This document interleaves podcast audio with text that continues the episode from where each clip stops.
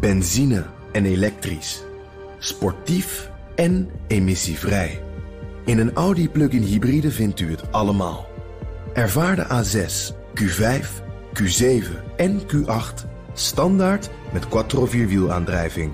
Wat u ook zoekt, u vindt het in een Audi. Audi.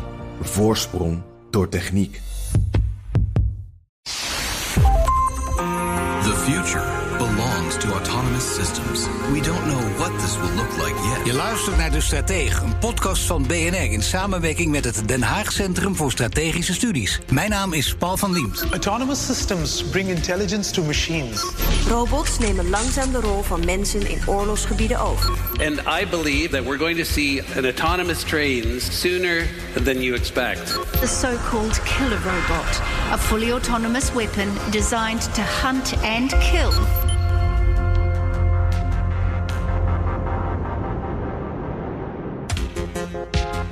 Stel je voor dat ik je nu vertel dat we hier in Nederland een robot gaan ontwikkelen met een totaal eigen wil. Die eigenhandig kan beslissen of hij jou in leven laat of niet. Dat klinkt natuurlijk angstaanjagend. Maar het is precies waar fervente tegenstanders van de ontwikkeling van autonome systemen doodsbang voor zijn. creates so much pressure that the governments launch negotiations on a new international treaty to prohibit weapon systems without human control. Waar is Defensie in Nederland op dit gebied mee bezig? Hoe zit het met ons eigen moreel kompas? En zijn er eigenlijk al regels voor? Dat ga je horen in deze aflevering van De Strateeg van mijn twee gasten... Esther Chavan van het Den Haag Centrum voor Strategische Studies... Iets waarvan ik het idee heb dat een mens minder controle heeft dan ik zou willen. Zo'n systeem dat dat invloed heeft op of mensen al dan niet in leven blijven. Dat is natuurlijk de fundamentele vraag. Leven of dood. Ze deed onderzoek naar die ethische kwesties rondom autonome systemen. En luitenant-kolonel Martijn Hedeke. Dat zouden we kunnen gaan toevoegen in een operatie. Bijvoorbeeld in Litouwen of in Afghanistan. Dan zouden we dat moeten kunnen toepassen voor of in de missie. Projectleider robotica en autonome systemen bij de Koninklijke Landmacht 13e Brigade. You're looking at a dramatization of autonomous weapons that could be our future, programmed to kill without anyone guiding them. That little bang is enough to penetrate the skull and destroy the contents. The video now has more than 4 million online views. Take out your entire enemy virtually risk free. A $25 million order now buys this. Enough to kill half a city. The video was made by a production studio, but some of it looks like real news coverage of deadly attacks. Krijg je dat wel eens te horen, die, die killer robots, als je, als je vertelt over waar je mee bezig bent? Ik krijg dat bijna altijd te horen. Dat is toch vaak het beeld wat, wat dominant leeft. En dat je dan vraagt, ja, maar denk je echt dat we dat aan het maken zijn bij de landmacht? Dan is toch vaak, nee, nee, we verwachten betere van jullie. En dat, eh, we maken ook geen killer robots. Laat ik daar duidelijk over zijn. We maken geen machines die... Als mensen dat steeds roepen, je, je hebt geen kort lontje, je wordt niet heel boos dan. Nee, ik zie mezelf meer als onderzoeker. En, en dan is het juist luisteren naar die argumenten. Nou, waar zit dan de zorg? Wat zijn dan die kritieke functies? Waar moet dan aandacht worden besteed? Want we hebben ze nog niet. We bestuderen ze en we zijn in ontwikkeling. Er zijn heel veel redenen aan te geven. Maar wat is een beetje de rode draad als het gaat over de zorg bij mensen? Nou, een van de grootste zorgen is of machines wel voldoende onderscheid kunnen maken. Dus wat wel een doel is en wat geen doel. Dat mensen dat gewoon niet in de gaten hebben dus. Of bang zijn, bang zijn dat ze niet weten hoe dat dan komt. Hè. Kun je echt zeggen dat ze zeggen, ja, wie bepaalt het dan uiteindelijk? En ook dat, van dat, dat je kunt zeggen aan het eind van, van het systeem... Uh, wie is er nu verantwoordelijk en dat dan niemand zijn vinger opsteekt. Dat is onacceptabel. Dus we richten juist uh, die, die vraag in waar ligt dan uw verantwoordelijkheid over wat? En als je dit soort uh, dingen zegt, hè, de, zeggen mensen dan na zo'n gesprek, laten we zeggen dat je, dat je dat in een groep doet met mensen die daar redelijk bevoordeeld, misschien onbevoordeeld in staan, maar gewoon niet, niet zoveel kennis van zaken als jij, uh, dat die aan het eind het woord killer robots gewoon niet meer in de mond nemen? Dan hebben ze een veel genuanceerder beeld gekregen. We hebben het vorig jaar gedaan met een groep studenten van uh, een hogeschool over recht. Nou, dus die waren toch wegwijzen in hoe recht werkt. En, en nou, daar was inderdaad zo'n sessie mee. Wat vinden we acceptabel of niet? laat ik ons ethisch en juridisch kader schetsen waarin we dat ontwikkelen. En als je het dan zo zegt en, en daar verduiding op geeft, hebben ze daar veel beter beeld bij. Dan is inderdaad dat, dat spookbeeld van niets ontziende Terminators is, is weg. Ik moet zeggen, dat is best efficiënt, Esther, of niet? Als je dat gewoon voor elkaar krijgt in een gesprek van, wat is het, een uur, anderhalf uur, een soort college tijd heb je eigenlijk? Nog een hele middag. ja, nou, toch een hele middag. Maar het begint dus met, met, met voordelen, het eindigt met een genuanceerd beeld. Nou, juist door elkaar op te zoeken en ook uh, niet gelijk je mening te geven, maar uh, goed te luisteren ook. En waar zit dan die zorg? Uh, juist op dat onderscheid maken of is een robot wel in staat om proportionaliteit te berekenen? Of wanneer is het dan noodzakelijk om autonomie te kiezen? En dat proberen we uit te leggen. Op die manier geven we inzicht. We zijn vrij transparant daarin. Vrij transparant of is dat flauw? nee, we zijn, we zijn transparant daarin. Transparant daarin. Esther, kun je andere kwesties noemen die, die bij dit onderwerp spelen? Ja, ik verdeel het vaak in, uh, nou, ik noem dat dan human agency. Dat betreft een beetje hoe je controle hebt over systemen. Uh, in dit geval militair, maar goed, dat geldt voor alles natuurlijk eigenlijk. Uh, hoe je controle hebt over de systemen of de algoritmes die je gebruikt. En natuurlijk wie daar controle over heeft uiteindelijk, wie, wie beslissingen erin neemt. Vervolgens heb je dat human dignity, dus nou, dat verhaal over die ethische kwesties, kan het onderscheid ja. maken tussen al dan niet militair doelwit. En als laatste, wat Martijn ook al noemde, die verantwoordelijkheid en aansprakelijkheid is natuurlijk ook een, een belangrijke ethische kwestie hierin. Ja, verantwoordelijkheid en aansprakelijkheid. Bij wie ligt die precies? Hè? Ook hier kun je niet zeggen waarschijnlijk daar of daar. Dat wil iedereen exact weten. Nou, het lastige is dat je steeds meer gaat spreken over niet alleen maar gewoon een systeem of een computer, maar het is een systeem van systemen, om het zo te zeggen. Dus daar zitten heel veel verschillende stukjes software in. Daar zitten heel veel verschillende bouwers aan de hardware in. Daar gaat heel veel in zitten vanuit verschillende leveranciers misschien, of uh, vanuit verschillende krijgsmachtsonderdelen die samenwerken. Dus je zou bijna kunnen zeggen, voor als er wat misgaat, heb je kans dat, dat we geen idee hebben aan wie het ligt. Want we kunnen allemaal met de vinger naar elkaar wijzen. Ja, je, je, je hoeft ook niet per se te weten aan wie het ligt of wiens schuld het is. Maar er moet wel duidelijkheid zijn over wie uiteindelijk verantwoordelijkheid heeft genomen. of wie verantwoordelijkheid neemt over bepaalde, misschien bepaalde soorten fouten of bepaalde situaties, contexten enzovoort. Dus in het veld kan het soms zijn dat je bijvoorbeeld zegt: Nou, dit is het typische geval waar de commandant gewoon verantwoordelijkheid heeft over zijn zijn mensen en daarbij ook de systemen die zijn mensen gebruiken. Maar afhankelijk van de fout kun je ook zeggen, nou, dit is duidelijk een systeemfout. Maar ja, je zegt het al, hè? het is niet de enige. Het, zijn, het is een van de vele kwesties die spelen. Alles ja. wat, ik, wat ik lees over dit onderwerp, hè, daar komt het woord ingewikkeld ook vaak naar voren. Daar gaan we dadelijk nog uitgebreider over door. Maar in ieder geval, die, die morele vraagstukken komen nog aan bod. Maar eerst even naar de praktijk bij de landmacht. Want Defensie die heeft er zelf een aantal filmpjes over online gezet. We zijn momenteel in Wattens, in Oostenrijk, om voor de allereerste keer een wapenplatform te introduceren. Een wapenplatform, die denken, wat, wat is dat? Dat is een punt 50 gemonteerd op een uh, mailrem. En een mailrem is een onbemand, remote-controlled uh, voertuig. Nou, Martijn, die man die ken je wel, hè? Ja, dat is mijn directe collega. Collega luitenant-kolonel Den Oude, hoofd van de eenheid robotica en autonome systemen. Hij vertelt over wapensystemen. Kun je, kun je er iets meer over vertellen, hoe het eruit ziet en wat het doet? Mm, ja, dit gaat over een oefening die we recent vorig jaar juni in Oostenrijk hebben gedaan. Waarbij we, nou, zoals hij ook uitlegt, een, een zwaar mitrailleur, dat is een punt 50, uh, hebben gekoppeld als remote-controlled weapon station op een onbemand voertuig. In combinatie met het optreden van een infanteriepeloton. En behalve dit, uh, dit wapensysteem uit het filmpje... is Defensie uh, verder ook nog met andere zaken bezig... op het gebied van robotica, autonome systemen? Eigenlijk doen we dat al jaren. Uh, denk aan de onbemande vliegtuigen... die we al nou, zeker een jaar of dertig gebruiken voor verkenningstaken. We hebben ze zelf ook gebruikt in Afghanistan in 2006. En dat geeft je eigenlijk ogen in de lucht om een stukje verder te kijken. Maar die zeggen 2006 al, hè? dat is, vind ik gewoon mooi eigenlijk. Want ik bedoel, dat is heel lang geleden. Uh, het, het, idee had je dat er toen bijna nog niet over gesproken werd. Of ben ik dat dan weer vergeten? En was het toen ook al een, een stevige discussie? Nou, toen stond kunstmatige intelligentie nog in de kinderschoenen. Ja. Uh, degenen die we toen hadden waren gewoon op afstand bestuurd. En, en ja. dat gaf ons een voordeel. Maar uh, de, de, ik denk de trend die we nu zien en de techniek zoals die nu is ontwikkeld... gaat met name over kunstmatige intelligentie. Waardoor we niet alleen op afstand bestuurbare systemen kunnen hebben, maar ook systemen waarbij we een stukje uh, denken en, en zelfstandigheid qua cognitie in kunnen bouwen. Ja, en de zelfstandigheid is natuurlijk echt misschien wel... ik kijk ook nog even naar Esther, je mag inbreken als je wil... Hoor, want als, als ik onzin zeg meteen eroverheen, zou zomaar kunnen. Het betekent wel, als je, als je het hierover hebt... dan zou het kunnen dus inderdaad, Martijn... dat je dat, ja, net als bij de zelfrijdende auto... dat klopt, hè, wij geven het uit handen als AI nog verder ontwikkeld wordt... dan hebben wij geen, geen zeggenschap meer over. Nee, dat punt gaan we niet bereiken. De, de, de, nou, dat vind ik wel heel geruststellend ook al. Uh. Nou, niet zolang wij daar leiding aan geven. Uh, de eerste is dat autonomie is geen doel op zich. We doen dit niet omdat de technologie er is. Uh, autonomie, uh, daar kiezen we voor als daar een bepaalde aanleiding of context voor is. Uh, bijvoorbeeld, er is geen datalink nodig, of, mogelijk omdat die verstoord wordt door de tegenstander. Maar wel een hoge mate van, van vijand of dreiging.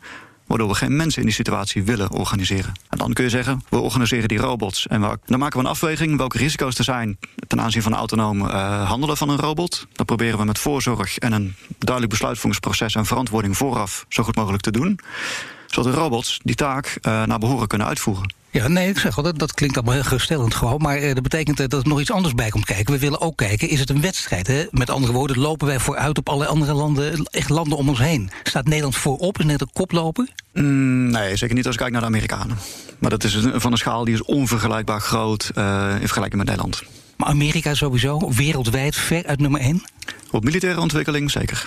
En technologische ontwikkeling? Ja, de, de militaire technologie, ja. Ja, ook vergeleken met China?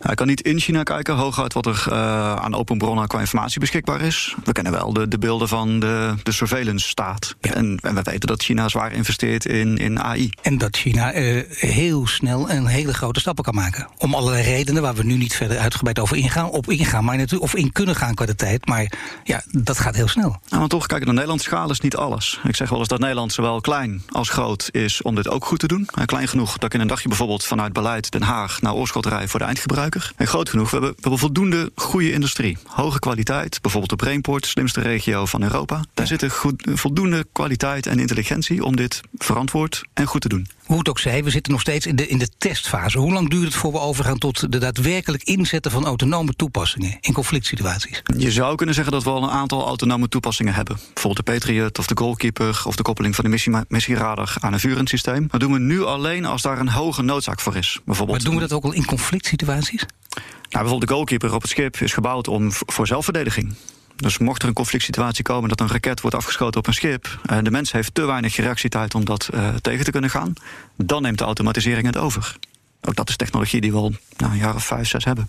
Maar de testfase op grote schaal, hè? De, jullie zijn met projecten bezig volgens mij. Eind van het jaar gaat er ook wat gebeuren. Kun je er al iets over vertellen? Ja, we hebben iets van 15 projecten gelijktijdig lopen. Dat gaat van autonoom navigeren. Uh, dingen als het, het, detecteren en vermijden van obstakels bijvoorbeeld, dat hij nergens tegenaan rijdt. Maar ook hoe kunnen we nou machine learning gebruiken, bijvoorbeeld als techniek, om een bepaalde taak te leren. Dat zijn wat meer de ontdekkingsexperimenten. Waar we naartoe werken aan het eind van het jaar is er een grote oefening in Duitsland in november. Dat heet uh, Zebra Soort. Daar willen we gewoon praktisch demonstreren hoe ver we zijn gekomen met twee jaar onderzoek. Ja, en wat betekent dat eigenlijk? Is dat alleen maar, bijna ik zou zeggen, een, een hele grote uitgebreide showcase? Of, of, moet ik dat groter en breder zien? Het is een oefening. Dat wil zeggen dat onze brigade uh, daar gaat trainen. Nou, dat gebruiken we als achtergrond of als decor. Met de oefenterreinen, de schietbanen. Om in een praktische setting met het peloton wat we hebben... te laten zien hoe ver we zijn gekomen. En dan zou het zo kunnen dat, dat je zover bent... of misschien wel zover hoopt te zijn dat je het ook... stel dat het zou moeten, een week na de oefening... al zou kunnen gebruiken, als het moet. Ik denk niet dat we zo ver komen. Uh, bijvoorbeeld informatiebeveiliging moet er nog aan worden toegevoegd. Dus uh, we komen heel eind met uh, remote control systemen in diverse rollen, bijvoorbeeld voor logistiek of voor verkenning. En we laten een eerste glimp zien van wat we met autonomie uh, aan het doen zijn en kunnen. Is het, is het wel een, een, laten we zeggen, een nieuwe fase die wordt ingeslagen dan in november met, met, die, met, met die dag? in Duitsland? Nou, in november komt er veel bij elkaar. En hebben we bijna alle projecten met veel uh, steun van de bedrijven... en ook bijvoorbeeld TNO als kennisinstelling... laten we zien het resultaat van twee jaar onderzoek. Het resultaat van twee jaar onderzoek. En dan wil je niet dat het tegenvalt. Dan wil je dat, je dat je aan de wereld ook tonen... en zeker aan de kenners ook. En iedereen die heeft meegewerkt, kijk eens even... wij hebben daadwerkelijk stappen gezet. Dat wel, maar het is geen show. We doen het niet, niet mooier voor dan het is. We geven een eerlijk en transparant verhaal. Ja, maar wat, wat zou dan de volgende fase... want je moet ook het is nog even afwachten, het is nog een tijd ver... maar je werkt daar wel naartoe en je, je wil ook iets laten zien. En ik snap heel goed dat het geen show is... maar je wil wel iets vertellen met wat daar gebeurt. Dat je, dat je dus een, een nieuwe fase bent ingegaan... want daar heb je met z'n allen voor gestreden. Nou, we werken bijvoorbeeld toe naar uh, als deze technologie daadwerkelijk zijn waarde laat zien. Uh, bijvoorbeeld, al is het voor logistiek. Het neemt heel veel vracht uit handen van uh, soldaten die ze anders op hun rug moeten tillen. Nou, daar zijn dat is gewoon verkrijgbaar. Daar experimenteren we bijna wekelijks mee. Dat zouden we kunnen gaan toevoegen in een operatie. Bijvoorbeeld in Litouwen of in Afghanistan. En dan hebben we operationalisatie van een robotconcept. Er is geen concept meer. Dan heeft het daadwerkelijk waarde in de praktijk voor de eindgebruiker. Dan zouden we dat moeten kunnen toepassen voor of in de missie. En is er nog iets wat, uh, wat laat ik uh, een populair woord gebruiken, wat nog heftiger kan klinken? Waarvan je zegt, nou, dat laten we ook zien en dat zou ook ingezet kunnen worden. Dat hebben we tot nu toe niet gezien. Ja, bijvoorbeeld de wapensystemen. Daar zijn we natuurlijk een stuk zorgvuldiger en voorzichtiger mee. Maar die, zijn, uh, die laten we zien. Die nemen we mee in de experimenten. Dan gaat het minder iets, om. Het is, nogmaals, het is nog een tijdje weg, maar kun je er iets over zeggen? Wat voor wapensystemen? Nu bijvoorbeeld nou, die .50 zware mitrailleur of een ander kanon, de 30 mm. Uh, nog steeds allemaal remote controlled. Dat doen we eigenlijk om de slagkracht te verhogen. Uh, Zo'n robot kan dan bijvoorbeeld de flank beveiligen... of kan vooruit worden gestuurd om tegen het eerste gevaar aan te lopen. Dat zijn vrij praktische toepassingen die morgen haalbaar zijn. Nou, Esther, je hoort het, hè? Martijn noemde een aantal voorbeelden van uh, autonome toepassingen... waarmee wordt getest. Uh, wat zijn daar allemaal ethische vraagstukken bij? Pik er maar een paar uit. Nou, één ding wat ik nog heel even daarvoor wil zeggen over ethische vraagstukken er wordt soms, als we het erover hebben, een beetje worden ethische en juridische vraagstukken over één kam geschoren. Veel van de ethische vragen die mensen stellen, zoals over die, uh, nou ja, dat onderscheid tussen militaire doelwitten, dat is in principe gewoon een juridische kwestie. Dus vrij veel dingen kun je eigenlijk niet echt ethiek noemen. We hebben dat in ons rapport als ethiek genoemd, omdat dat vaak zo wordt behandeld. Maar in principe is dat gewoon, hou je je aan internationaal recht of niet? Ja, soms loopt het natuurlijk wel door elkaar. Want je kunt ook denken, internationaal recht vind ik onethisch, dus daarom. Of sommige mensen willen zich ook helemaal met regeltjes omgeven, waardoor ze denken dat ze heel ethisch zijn. Maar er zitten Nou, vaak dat- heel andere regels Bijvoorbeeld vast. internationaal oorlogsrecht, waar, je, waar in ieder geval wij hebben toegezegd ons gewoon eraan te houden, is in principe gewoon een, een, een omvorming tot recht van wat onze morele waarden zijn in, in conflictvoering. Dus dat je niet zomaar op civiele mensen schiet of dat je niet bepaalde wapens gebruikt of iets dergelijks. Dan wordt er over oorlogsrecht wel heel vaak gezegd dat het ook meteen heel vaag is. Ja, het is heel vaag en heel erg interpreteerbaar. Dat kan. Dat is zowel een zwakte als een sterk punt. Als je het heel erg precies maakt, dan wordt het ook heel erg makkelijk om precies te weten hoe je je niet aan het oorlogsrecht houdt. Als je precies zegt, deze dingetjes mogen allemaal wel en niet. Zodra er een nieuwe uitvinding is, valt die er al niet meer onder. Want je hebt het niet kunnen voorzien. Terwijl het voordeel nu is dat eigenlijk elk nieuw soort wapensysteem, elke nieuwe soort handeling die je kunt bedenken, valt in principe onder dezelfde rechten. Het is alleen vaak in het begin nog vaag hoe je precies kunt bewijzen dat je je al dan niet daaraan houdt. Daar zit wat speelruimte. Dus bijvoorbeeld als het niet helemaal duidelijk is of gezichtsherkenning goed genoeg is om te bewijzen dat je inderdaad proportioneel handelt. Of dat je inderdaad onderscheidend handelt. Ja, dat kan door sommige landen misbruikt worden. Maar goed, dat geldt eigenlijk voor al het recht altijd. Ja, nee, dat is inderdaad waar. Dus laten we het vooral ook nu uit elkaar houden. Wat zijn dan Ja. de echt ethische vraagstukken? Die, e- die ethische vraagstukken die liggen voor een deel dus echt bij de fundamentele vraag: wil ik dat iets waarvan ik het idee heb dat een mens minder controle heeft dan ik zou willen, zo'n systeem, dat dat invloed heeft op of mensen al dan niet in leven blijven? Dat is natuurlijk de fundamentele vraag: leven of dood. Dat verschilt heel erg per land hoe mensen daar ook tegenaan kijken. Want weet je, de Nederlandse krijgsmacht die zal niet zomaar een systeem inzetten dat tegen al hun eigen, hun eigen juridische waarden ingaat en zomaar wat doet. Dat is zowel gevaarlijk voor de civiele mensen on the ground, maar ook natuurlijk voor je eigen troepen. Weet je, die willen daar ook gewoon met een gevoel van rechtvaardigheid en goed nut in het veld staan. Tuurlijk, nee, je wil aangeven dat je, dat je ook een. Je bent uiteindelijk een organisatie die, wa- waarbij het ook om waarde gaat. Je bent niet voor Ja. niks in, in Nederland ook actief. Maar eh, ja, andere landen kunnen daardoor denken van nou, wat lekker naïef. eh, daar hebben wij gelukkig geen last van. Klopt, maar goed, je gaat er natuurlijk ook anders innoveren. Dat is, je hoort wel eens van mensen die zeggen: ja, ik wil geen nieuwe regeltjes, want dan hou je de innovatie tegen. Eh, ik ben het daar persoonlijk altijd mee oneens, omdat regels natuurlijk niet innovatie tegenhouden, maar die, die veranderen innovatie in de richting waarin je dat wil, als het goed gedaan wordt tenminste. Dat geldt hier natuurlijk ook. Ik bedoel, eh, andere mensen doen dit of dat, is niet echt een excuus om dan ook maar dit of dat te gaan doen. Dat is, een, dat is natuurlijk een excuus om gewoon op een andere manier hetzelfde te bereiken. Op een betere manier hetzelfde te bereiken. Dat je wel dicht bij jezelf en je waarde blijft. Wat we wel belangrijk vinden is natuurlijk uiteindelijk eh, wie is er verantwoordelijk als er iets totaal misgaat. En Martijn, is het bij jullie volstrekt duidelijk wie er verantwoordelijk is bij misgelaan? Nee, dat zou je hooguit na een incident kunnen zeggen. En we weten wel dat we met een antwoord moeten komen. En daarom doen we ook dit soort nou, gedachte-experimenten... of het, het eh, in het dialoog uitwerken van wie is nou wanneer verantwoordelijk. Welke verantwoordelijkheid heeft de leverancier? Welke verantwoordelijkheid zit er in het besluitvormingsproces... zodat een commandant kan zeggen... dit zijn mijn argumenten geweest om voor autonomie te kiezen... en daar neem ik de verantwoordelijkheid voor. Daarvoor ben ik commandant geworden. Alleen eh, waar we het over hebben eh, zijn landen. We vergelijken nu steeds landen met elkaar. Maar we moeten vooral de bedrijven niet vergeten, Esther. Want die kunnen gewoon ontwikkelen wat ze willen. Of worden die ook door de overheid aan banden gelegd? Nou, met bestaande regelgeving worden die in zekere zin aan banden gelegd. Daar lopen natuurlijk twee parallele lijnen waarvan ik eigenlijk vind in ieder geval de EU dat ze te weinig samenkomen. Ten ene kant gesprekken over, nou is het nodig om meer regelgeving te hebben of wat meer mensen voor zijn een aanscherping van bestaande regelgeving over die autonome wapensystemen. Aan de andere kant heb je natuurlijk ook bijvoorbeeld nieuwe regelgeving over kunstmatige intelligentie in de EU, dus meer op civiel technologiegebied. Dat is soms verbazingwekkend hoe weinig er tussen die silo's echt gediscussieerd wordt, want ze lopen natuurlijk tegen veel van dezelfde problemen aan. Maar hoe komt dat? Want je zou zeggen, inderdaad. eh, Ja, supergoeie vraag. eindelijk, hè? We zijn pas 20 Ehm. minuten bezig. Daar komt hij, de eerste goede vraag. Nee, maar, ja. nee, maar goed, het is toch, je, je, je, vraagt je, toch, je vraagt toch af inderdaad hoe dat komt, juist bij zo'n ongelooflijk belangrijk onderwerp. Ja, heel soms gebeurt het wel. Maar over het algemeen worden door dan hele andere mensen dezelfde vragen beantwoord. Bijvoorbeeld, eh, nou ja, een, een, groot, een cruciaal deel van als je kunstmatige intelligentie gebruikt, is hoeveel data heb je? Waar heb je data over? Waar komt die vandaan? Welke biases zitten daarin? Wat zijn de problemen? Enzovoort. Dat geldt zowel voor iets civiels als gezichtsherkenning of wat dan ook. Als voor militaire technologie. Dat zijn natuurlijk dezelfde problemen. Voor een deel ook door dezelfde bedrijven al dan niet erger gemaakt. Nou, los van de bedrijven, toch nog even naar de landen. Want eh, er zijn misschien al landen die autonome systemen hebben ingezet. Eh, Rusland eh, in Syrië bijvoorbeeld. Wat ik wel eens hoor, is dat waar of is dat flauwekul? lastig afhankelijk van je definitie van wanneer iets echt autonoom is. Autonomie Nou, houdt natuurlijk een brede soort. definitie ik even aan. Ja, er zijn. Nou, Rusland die zei. eh, we hebben een autonome tank ingezet in Syrië. dat Voor een was deel was het nog. autonoom samen. Nee, Martijn, dat was het- gewoon het een remote controlled en functioneerde slecht. Oh, wacht even, wat is even interessant. Oh. Ze wilden een beetje grootdoenerij eigenlijk dus. Nou, dat is een groot verschil tussen onbemand Martijn. en autonoom. Ja. Inderdaad, de voorbeelden die we kennen vanuit eh, open bronnen zijn de, de Uran 9, die in Syrië is ingezet. eh naar verluid met, met veel technische mankementen. Haperende datalink, haperende sensoren. Ja. En dan, die is gewoon, die is wel onbemand, maar volledig op afstand bediend. Er zit niks autonooms in. Nee, zie je, wat gek dat ze dat dan toch zo willen noemen. Willen ze dan toch, eh, is het toch borslopperij? Laten zien, kijk eens even wat wij doen. En dan expres een verkeerde definitie gebruiken. Of is het gewoon eh, onhandig? Nee, dat is natuurlijk expres. Eh, je wil natuurlijk laten zien, ja, ze hebben minder investeringen dan de VS of China in hun leger. En ook gewoon überhaupt minder te besteden. Maar wij kunnen dit wel zin. voor elkaar krijgen, roepen ze dan. Nou ja, als je, als je die race blijft aanzwengelen, blijft er meer aandacht voor dat onderwerp, meer geld voor dat onderwerp enzovoort. Ja, ze willen die race misschien gewoon blijven aanzwengelen.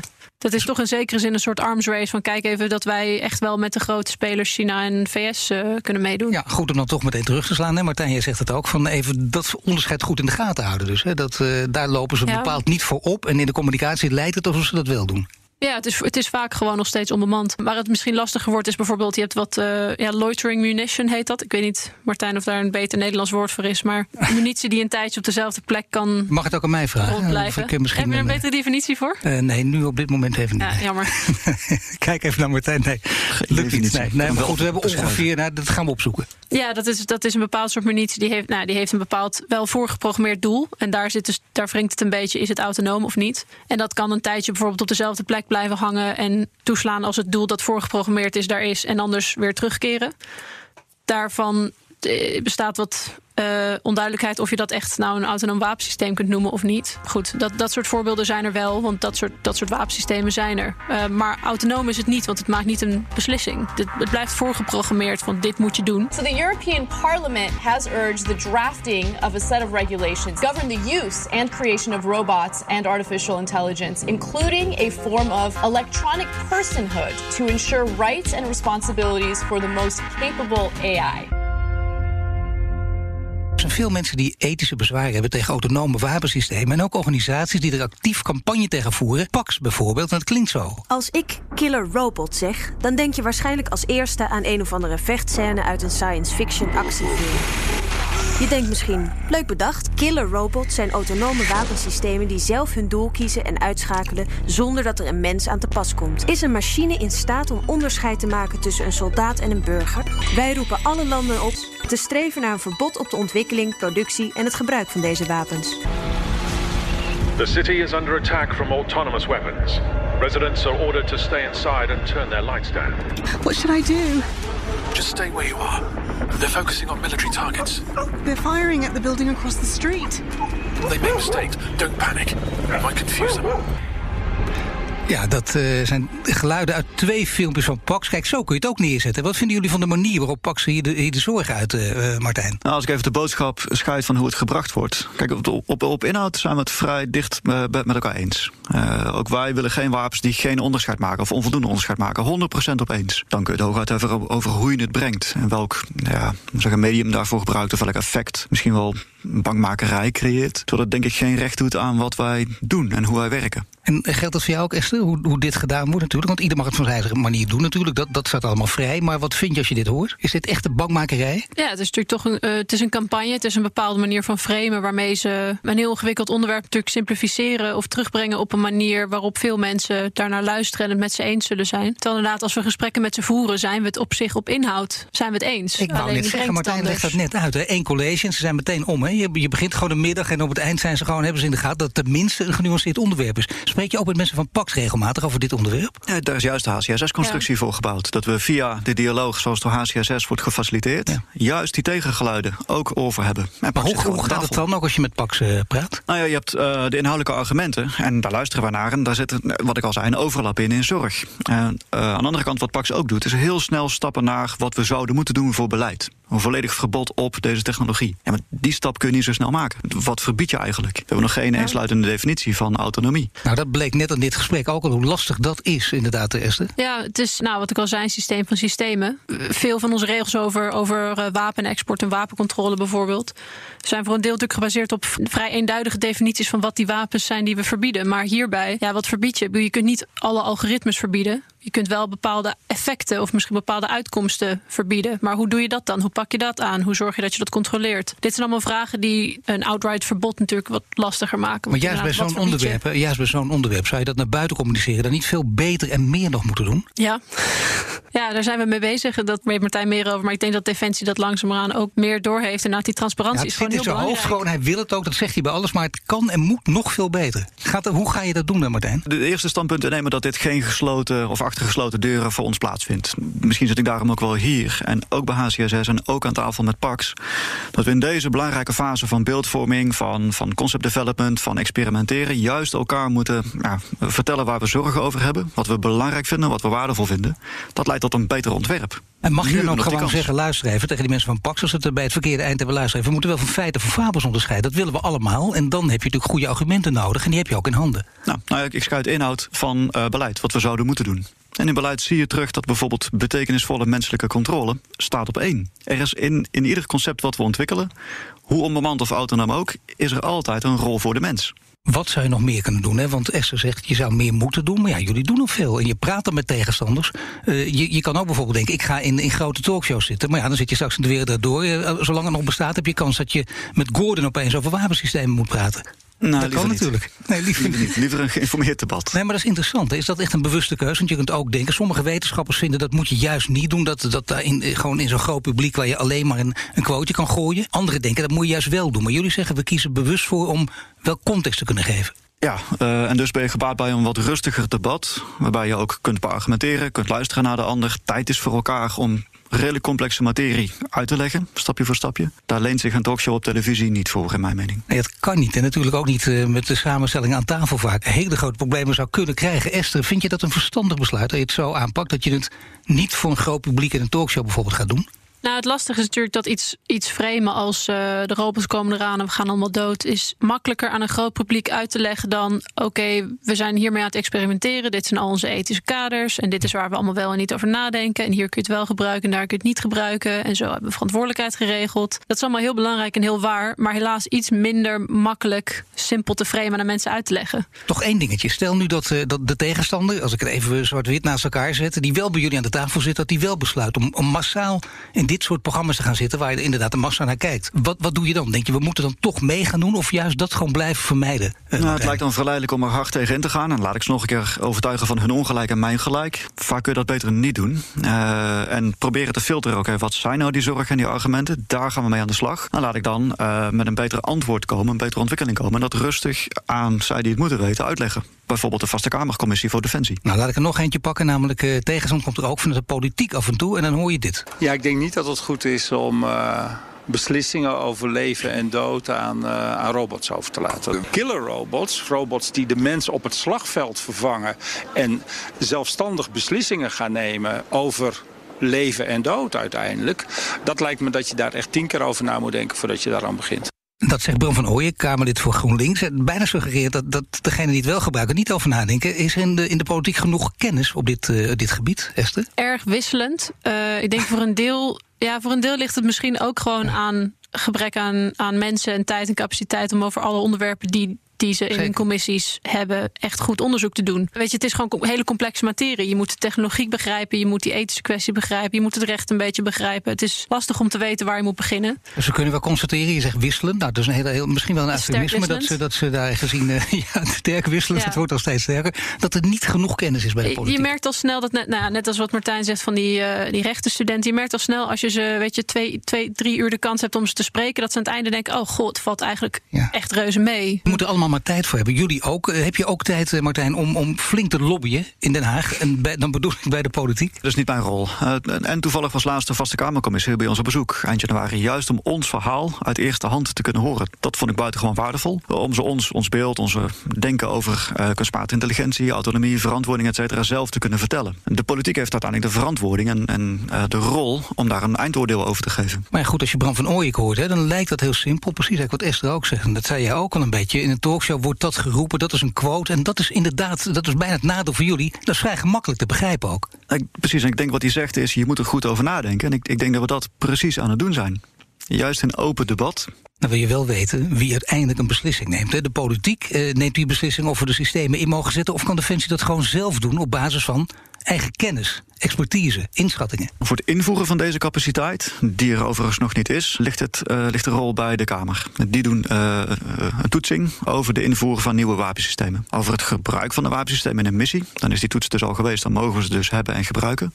Daar zijn rules of engagement voor. En dat is een, meestal een commandantenverantwoording waar we ook nog een keer achteraf verantwoording over afleggen. Dus er zijn genoeg checks en balances ook, te, ook weer ter geruststelling voor mensen die zich heel druk maken. Er zijn genoeg checks en balances om niet te verwachten dat het op één één grote bende gaat op dit gebied. Nee, uh, wat er nog aan ontbreekt is een, een, een, juiste verificatie en validatie vooraf van de algoritme. Maar ook daar investeren we in bijvoorbeeld met TNO uh, de opbouw van kennis en onderzoek doen. Wat is dan die verificatie en validatie? Waar zou dat uit moeten bestaan? Ja, en nog, uh, nog hè, want er zijn toch een beetje ook uh, kijken wat, wat tegenstanders zeggen, wat vooroordelen zijn, speelt altijd nog één ding mee. Er komt de generatie aan van mensen die niet op het slagveld staan, die alleen uh, een videogame aan het spelen zijn. Je hebt het vaker gehoord, zie ik ook. Hè. Dat heb je natuurlijk in discussies ook vaker moeten beantwoorden. Maar waar gaat het dan over? Wat zeg je dan? Nou, er is ook zo'n beeld dat uh, jonge mensen, omdat ze handiger zijn met de technologie, zijn ermee opgegroeid, dat die daarom beter die systemen kunnen bedienen. Nou, dat is waar voor de bediening. Maar als je kijkt naar welke keuzes er wordt gemaakt, en ook wat uh, meneer Van Ooyek zei, daar moeten we niet te licht over denken. Voor degenen die dat soort keuzes maken, verwachten we dus veel meer. En dan heb ik bijvoorbeeld liever wat oudere mensen, en die, die het verlies hebben meegemaakt in hun leven. Ja, of jongeren die naar de film 1917 hebben gekeken, want die weten ook een beetje hoe het er toe gaat op het slagveld natuurlijk. Hè. Er zit stevige emotie op en dan heb je toch een beeld. Ja, indrukwekkende film. Uh, het, het nadert bij lange na niet de eigen beleving en eigen ervaring. Nee, waarom niet? Waarom niet? Nou, het is een hele goeie, want je hebt hem gezien. Ik, ik vond het, ja, ja, ja. Maar, jij vanuit je vakgebied weet het veel beter, maar ik vond een heel indrukwekkende film. Ja, het maakt zeker indruk. Het is buitengewoon knap gefilmd. En, en je wordt echt meegenomen in het verhaal en de beleving van die jonge jongens die, nou, die, die bij bosjes zijn omgekomen. En uh, ook in, in, in 2006 in Afghanistan geweest, waarbij ik ook zelf onder vuur heb gelegen. Gelukkig niet zo heftig als toen in de Eerste Wereldoorlog, absoluut niet. Maar je ervaart wel wat erbij komt kijken om, uh, om bijvoorbeeld geweld in te, in te zetten.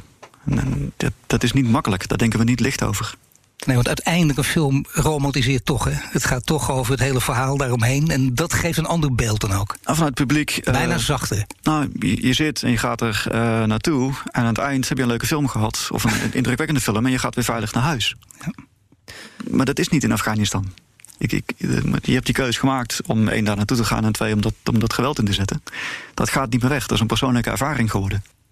Nou, we, gaan nu, we gaan nu even diep in, tot slot helemaal, even filosoferen. Want, want kijk, wat de mens doet, wordt er gezegd. Hè? We hebben het over ethiek ook, uh, Esther. Wat de mens doet is ook niet altijd even ethisch. Uh, soms met screentesten wordt het ook wel eens geroepen. Dan zit ik vol met vooroordelen, die probeer ik van me af te schudden. En ik kies toch iemand, laten we zeggen, die in mijn bubbel past. En dat doet een, een computer doet dat niet. Dat kan uh, in dit geval natuurlijk ook gaan gelden. Autonome systemen zouden misschien wel ethischer kunnen zijn dan mensen, of niet?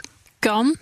hangt er vanaf wat je zelf ethisch vindt. Je kunt natuurlijk bepaalde mensen vinden dat ethisch per definitie menselijk is. Gewoon inherent. Ja, dan kan dus wat een computer ook doet, kan die niet ethisch zijn. Dat hangt natuurlijk vanaf wat je er zelf van vindt. Als jouw interpretatie is van ethisch gewoon, nou, uh, als je terugrekent, zijn er dus meer mensen beter af, dan is dat ethisch.